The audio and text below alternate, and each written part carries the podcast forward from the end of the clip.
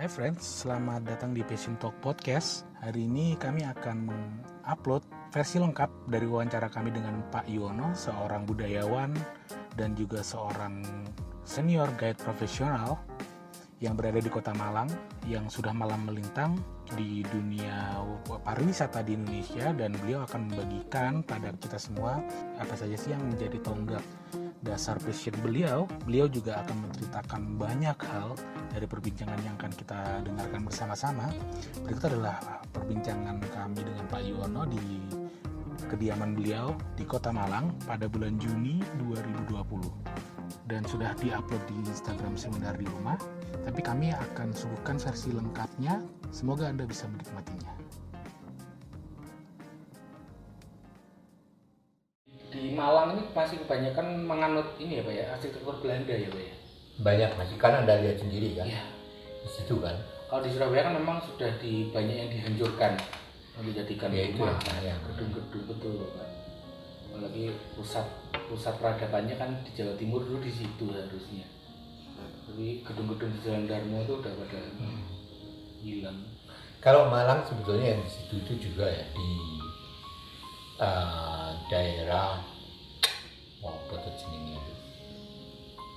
di belakang rumah sakit ya sebelahnya rumah sakit ya. iya jadi kan anda harus melihat Malang dengan sungai ya Iya. kan ada sungai Berantas yang Iya. membagi dua lor kali gidul kali iya lor kali yang dekat ke Surabaya kan. Iya. Logikanya orang orang Belanda dulu datang ke sini dulu ya. Datang di lor kali. Nggak ada jembatan kan waktu itu. Jembatan ciri khas jembatan Jawa itu bisa mesti turun dari tebing, terus jembatannya sedikit gini dari apa namanya bambu terus naik lagi. Jadi kendaraan kan bisa naik kan. Iya. Nah, dia datang, datang dari utara itu terlihat jelas mereka harus mempasifikasi resistensi-resistensi lokal sehingga terlihat sekali di lor kali ini banyak bangunan-bangunan berciri militer. Terus namanya dulu mesti uh, lodge, lodge jadi loji, loji jadi klojen. Iya kan? Lodge dan lodge lodge ini ada yang bergaya Faubourg. Faubourg adalah arsitektur militer dari Prancis yang terkenal di di dunia ini. Dan mereka mengadaptasi beberapa arsitektur daripada gaya Faubourg. Nah setelah pasifikasi, pasifikasi dan mereka bangun jembatan dikembangkan yang kidul kali ini. Kidul kali sampai di alun-alun sana, terus membangun eh, tempatnya eh, gubernur jenderal dan sebagainya, Susite dan sebagainya. Terus pipisan dari Pasuruan membangun, membangun kota Madya itu plus daerah Bovenstad, daerah tinggi karena kita naik sampai Ijen itu dibangun untuk orang-orang sukses yang berbisnis eh, apa perkebunan. oh memang berarti Malang dulu rujukan untuk orang yang memang mau uh, berbisnis perkebunan ya Pak ya? Ya wajar kan? Dataran tinggi. Nggak gini mas ya. Sampai dengan perang Napoleon. Iya. Berarti eh, paruh pertama abad ke-19. Iya. Kita kan bukan dijajah Belanda. Kita kan berdagang dengan dimonopolisir oleh VOC jadi belum kolonisasi sebetulnya dan mereka si VOC itu kan ber, dia berdagang dengan eh, otoritas-otoritas lokal. Terus setelah itu Napoleon kalah. Terus baru kita eh, secara resmi dikolonisasi langsung bukan oleh VOC tapi oleh pemerintah Belanda. Nah yang dibangun pertama kali waktu itu kan infrastruktur jalan utara pantai utara itu. Dari Anyer ke eh, Panarukan. Nah itu setelah itu terbangun eh, jalan itu tentu saja mereka men- mencari lahan-lahan untuk bisnis yang membutuhkan waktu itu. Perkebunan nggak bisa di Surabaya kecuali tebu. Di pantai utara hanya tebu dan dataran rendah kan. Untuk kayak kopi dan benar mencari dataran tinggi ke selatan dibuatlah infrastruktur ke selatan ke dari eh, jalan-jalan utama itu. Nah itu itu cikal pantesan. Di makanya di tempat kita kebanyakan pabrik gula. kan dataran rendah ya dong daerah dia seperti anda itu Pasuruan dan sebagainya itu kan impact daripada dibukanya jalan infrastruktur pertama yang menghubungkan barat ke, ke timur di melalui utara Jawa. Oh, iya. Setelah itu baru dikembangkan yang di tengah. Nah, Anda harus tahu tekstur daripada Jawa dataran rendah, dataran tinggi, terus dataran tinggi lagi tapi kapur. Yang ini vulkanis, ini rendah. Kapurnya berarti di daerah Gresik ya, Pak ya? Bukan. Ya juga ada di situ memang. Ada pegunungan Kendeng Utara, namanya ada pegunungan Kendeng Selatan. Pegunungan Kendeng Selatan itu contohnya kalau Anda pergi ke Banyu Biru. Pernah? Belum, belum, Mbak. Ke pantai selatan ke mana? Pantai Selatan ini Perigi. Jember itu? Ya, ah. Anda kan mau mulai melewati bukit-bukit kapur Iya. sebelum turun kan. Iya. Nah ini dan seperti kalau anda ke Banyu Biru atau pergi kan juga melewati bukit-bukit kapur. Jadi ini dataran rendah, dataran tinggi vulkanis, selatan dataran tinggi kapur. Terus di utara itu ada dataran-dataran rendah juga yang berkapur ya, pegunungan Kendeng Utara dengan puncaknya yang tertinggi namanya Gunung Muria. Eh, kalau Pak Yono itu berapa tahun Pak sudah jadi guide Pak? Duh, apa ya? Secara official saya ini jadi pemandu wisata pertama itu di Pata Conference tahun 74 ya. 70. Berarti awalnya memang bukan guide. Sebelumnya memang tidak. Eh, ya tapi saya tertarik pada itu memang sudah ya. Kenapa kok guide Pak? Pertama saya senang bahasa, saya senang negara saya, saya senang menyampaikan keindahan negara saya. Eh, basic, maunya saya, basic pendidikannya apa ya Pak ya? Kalau boleh tahu. Bahasa Bahasa memang. Mengambil bahasa Perancis atau memang Inggris. bahasa Inggris? Oh iya.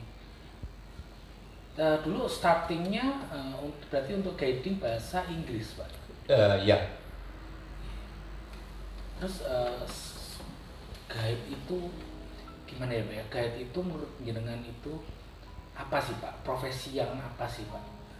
Yang memang cuma untuk memandu saja atau apa Pak? Eh, untuk saya ya semuanya. Karena kebanyakan anak-anak zaman sekarang itu kan memandang guide itu cuma sebagai pemandu wisata dan TL. Iya. Ya kan? Tapi ya untuk saya juga profesi ya. Saya hidup dari itu juga. Iya. Eh, wajar itu karena eh, apa namanya? Ya itu tadi.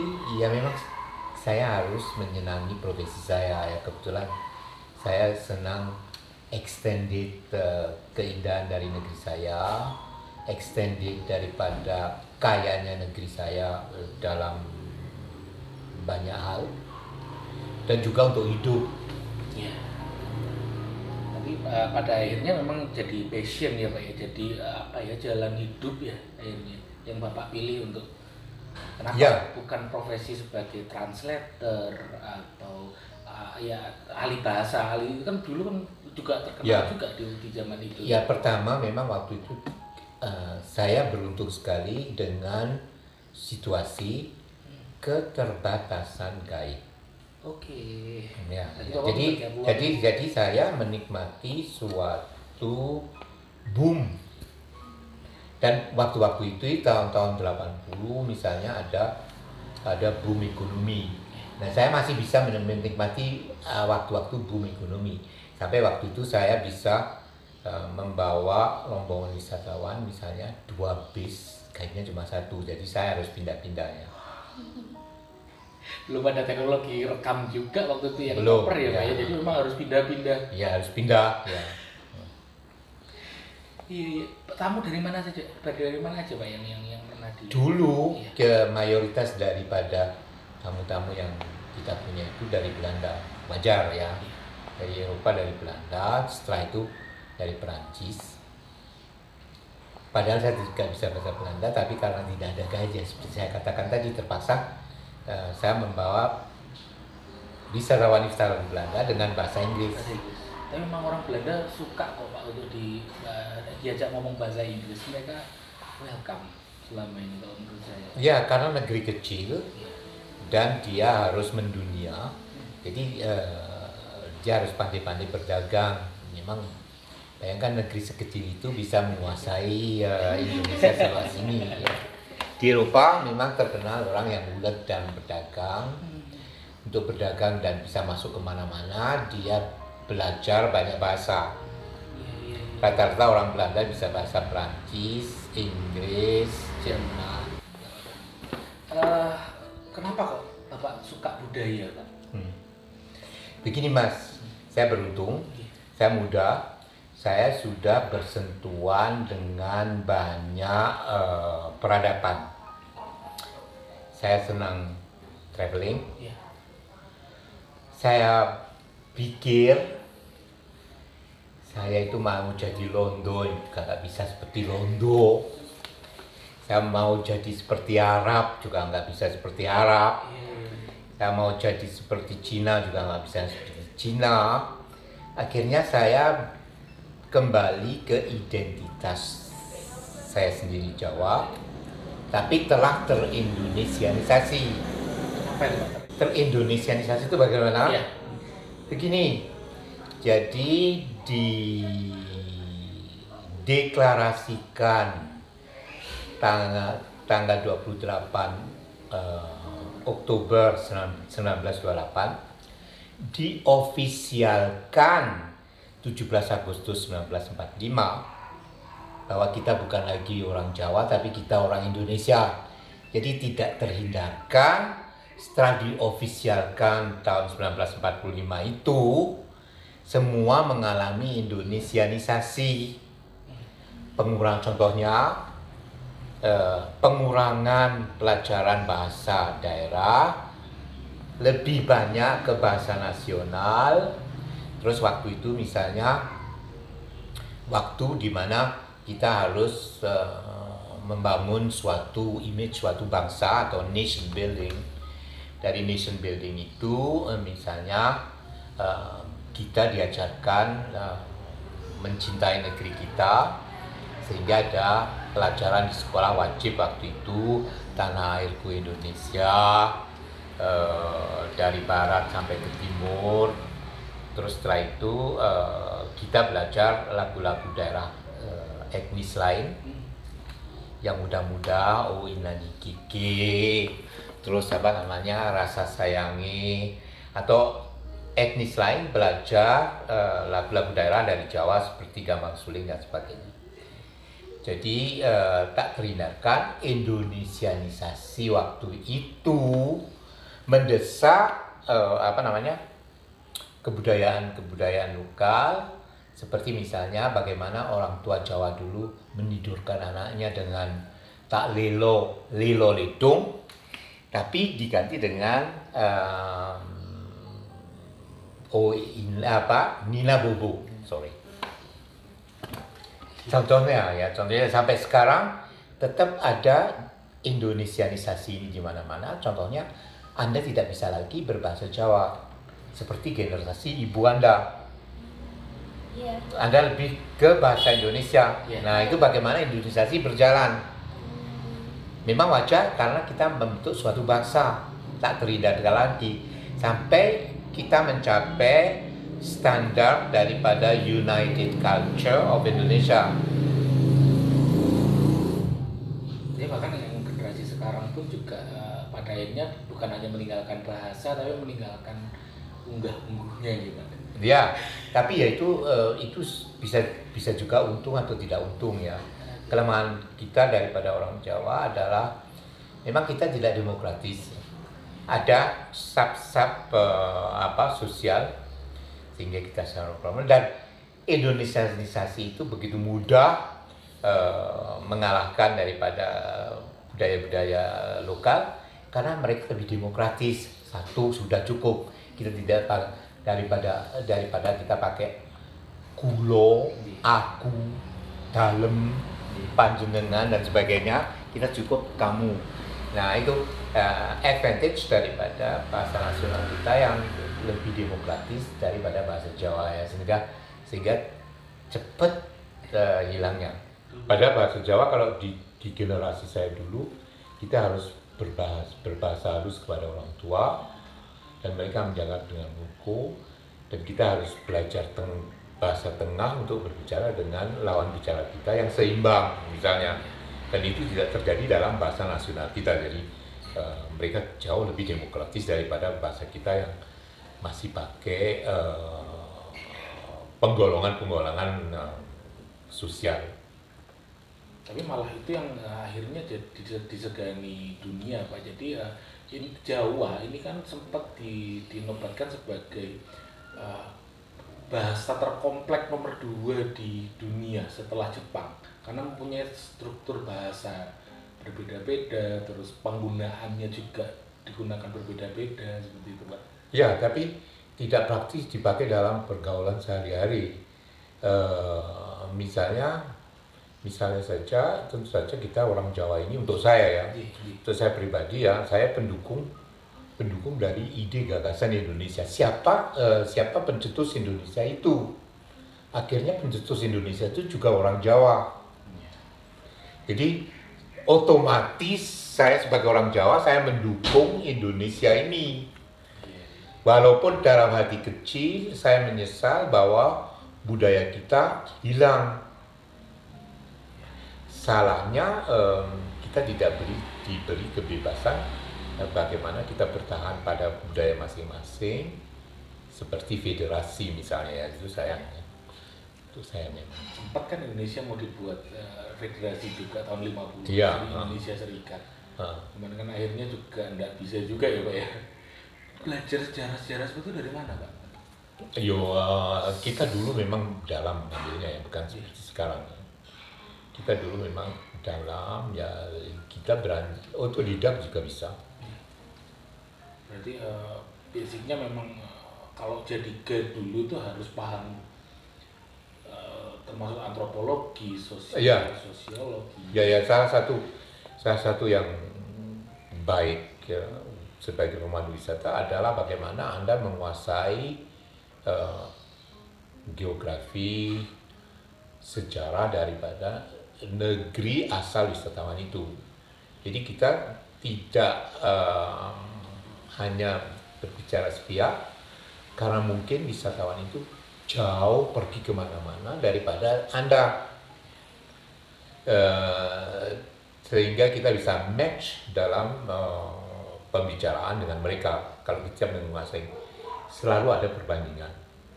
Contohnya Misalnya bagaimana kita bangsa yang terdiri dari 700 uh, eh, suku bangsa bisa hanya berbahasa satu sekarang bahasa Indonesia. Dengan bangsa yang hanya terdiri dari tiga uh, etnis di Belgia, tapi tidak punya bahasa nasional. Jadi uh, quarrel linguistik uh, di Belgia itu masih berlanjut sampai sekarang.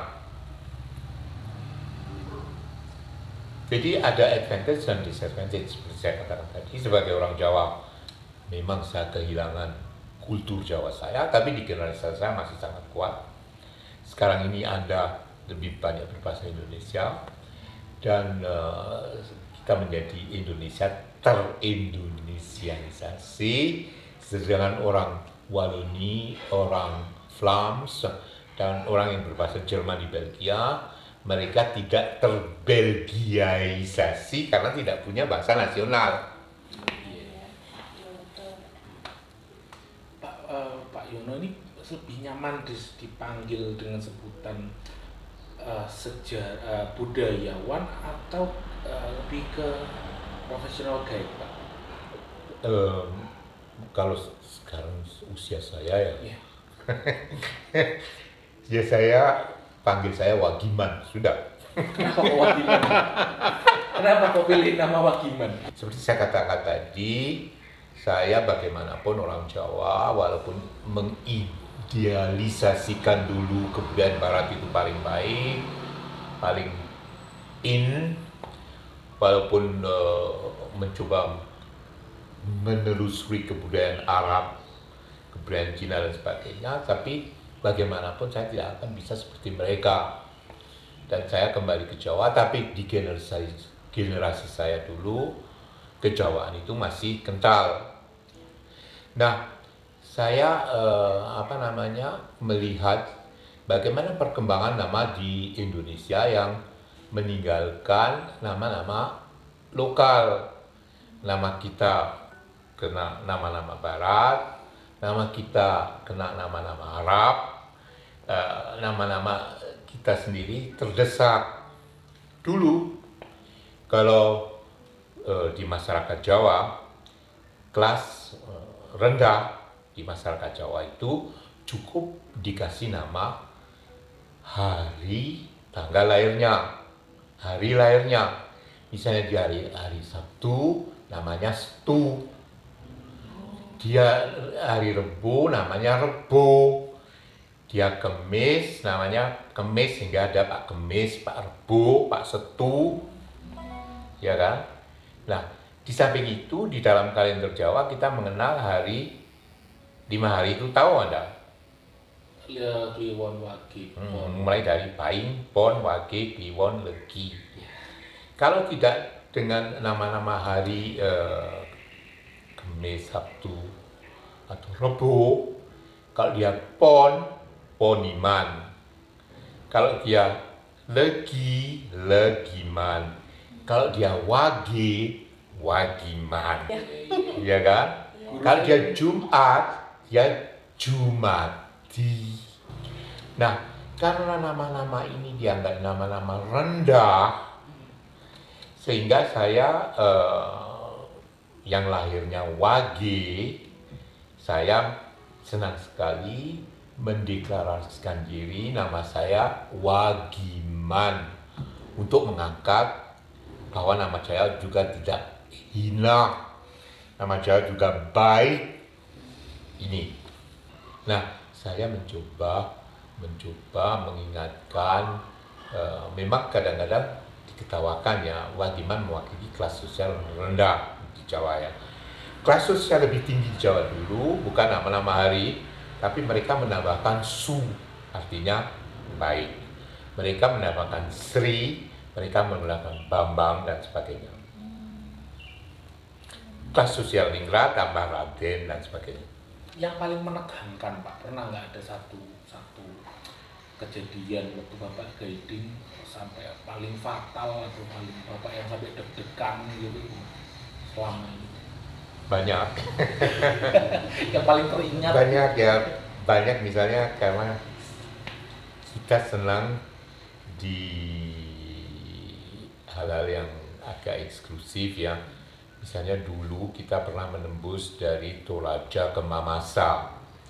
Di uh, daerah Toraja sana bukan bukan turun lewat Pinrang naik lagi tapi menembus gunung ini misalnya ya. Jadi waktu jalannya memang jelek sekali kita pakai jeep ya jadi uh, jurangnya juga dalam-dalam terus uh, lama sekali hujan dan sebagainya jadi juga ada hal-hal uh, yang menegangkan atau kita lewat daerah konflik. Pernah saya kita lewat daerah konflik ke di daerah Sulawesi Tengah. Misalnya waktu kita melihat uh, megalin-megalin di Badal. Iya. Terus uh, akhirnya gimana Pak? Bapak langsung pindahkan tamunya? Enggak, enggak tetap juga. Tetap juga kita selalu cari jalan ya. Dengan uh, dengan harapan semua bisa diatasi dan memang kita security matter itu kita harus harus juga uh, pikirkan ya karena kalau kalau kejadian ya kita sulit sendiri. Terus bedanya guiding sekarang sama di angkatan bapak sama yang yang di angkatan baru itu apa sih pak bedanya? Iya mungkin lebih mudah sekarang. Karena sudah ada banyak ini ya. Bayangkan kita punya buku buahnya ya kayak gini ya. Dulu nggak ada nggak ada anda bisa iya, cari di Google dan sebagainya ya. Kita harus baca ya. Tapi keuntungan kita mungkin kita mengambilnya dalam.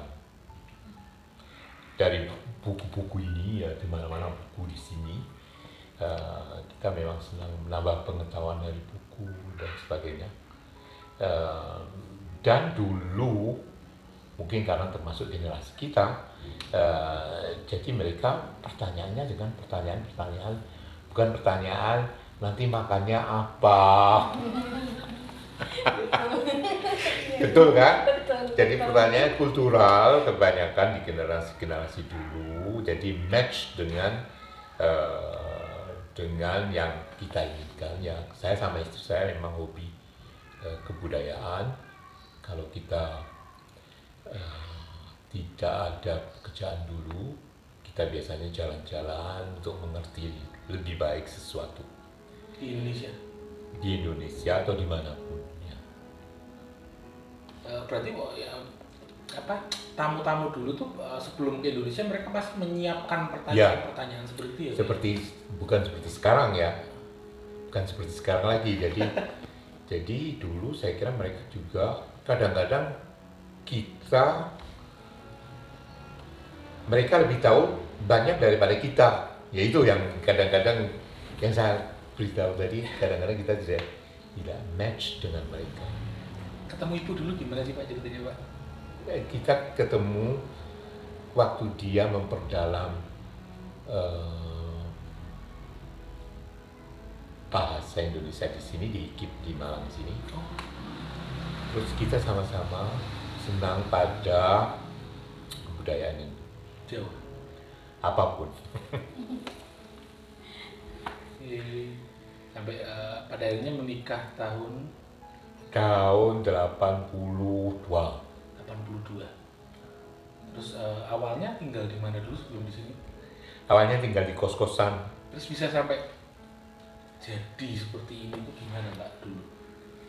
Nah, kita juga harus tahu bahwa kita tidak punya security sosial. Jadi kita harus menabung. Jadi menabung itu eh, ternyata penting.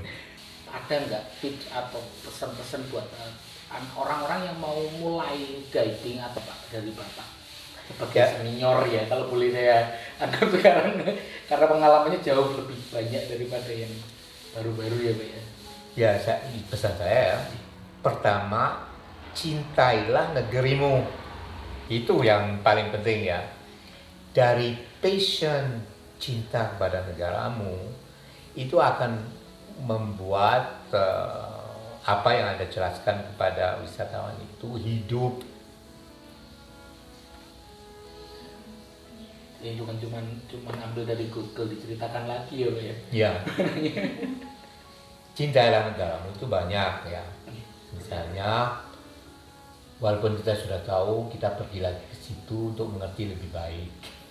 Kira-kira ada nggak rekomendasi buku kan jarang nih mereka yang baca buku. Hmm. Ada nggak rekomendasi dari Pak Wim untuk buku apa sih yang bagus?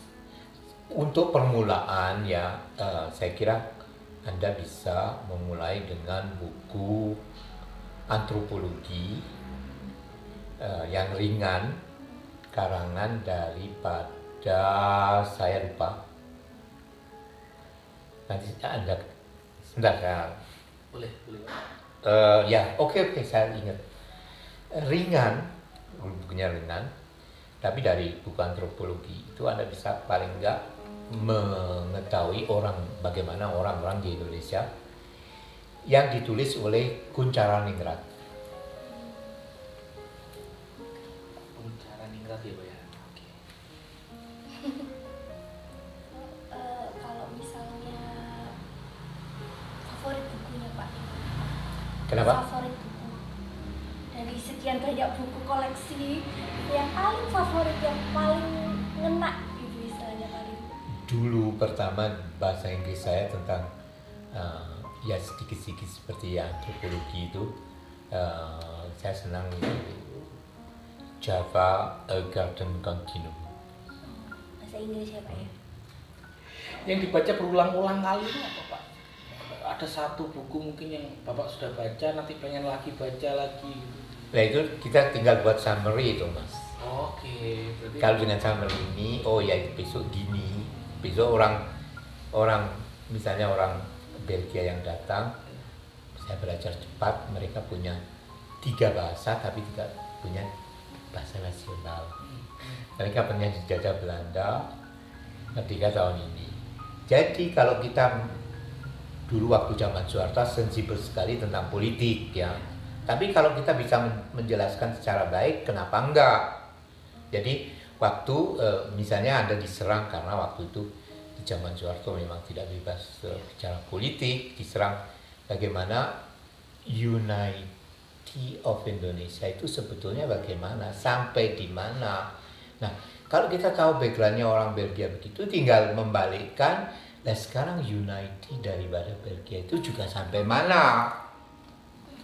Anda tidak punya bahasa, Anda ada quarrel linguistik ya, eh, sampai sekarang.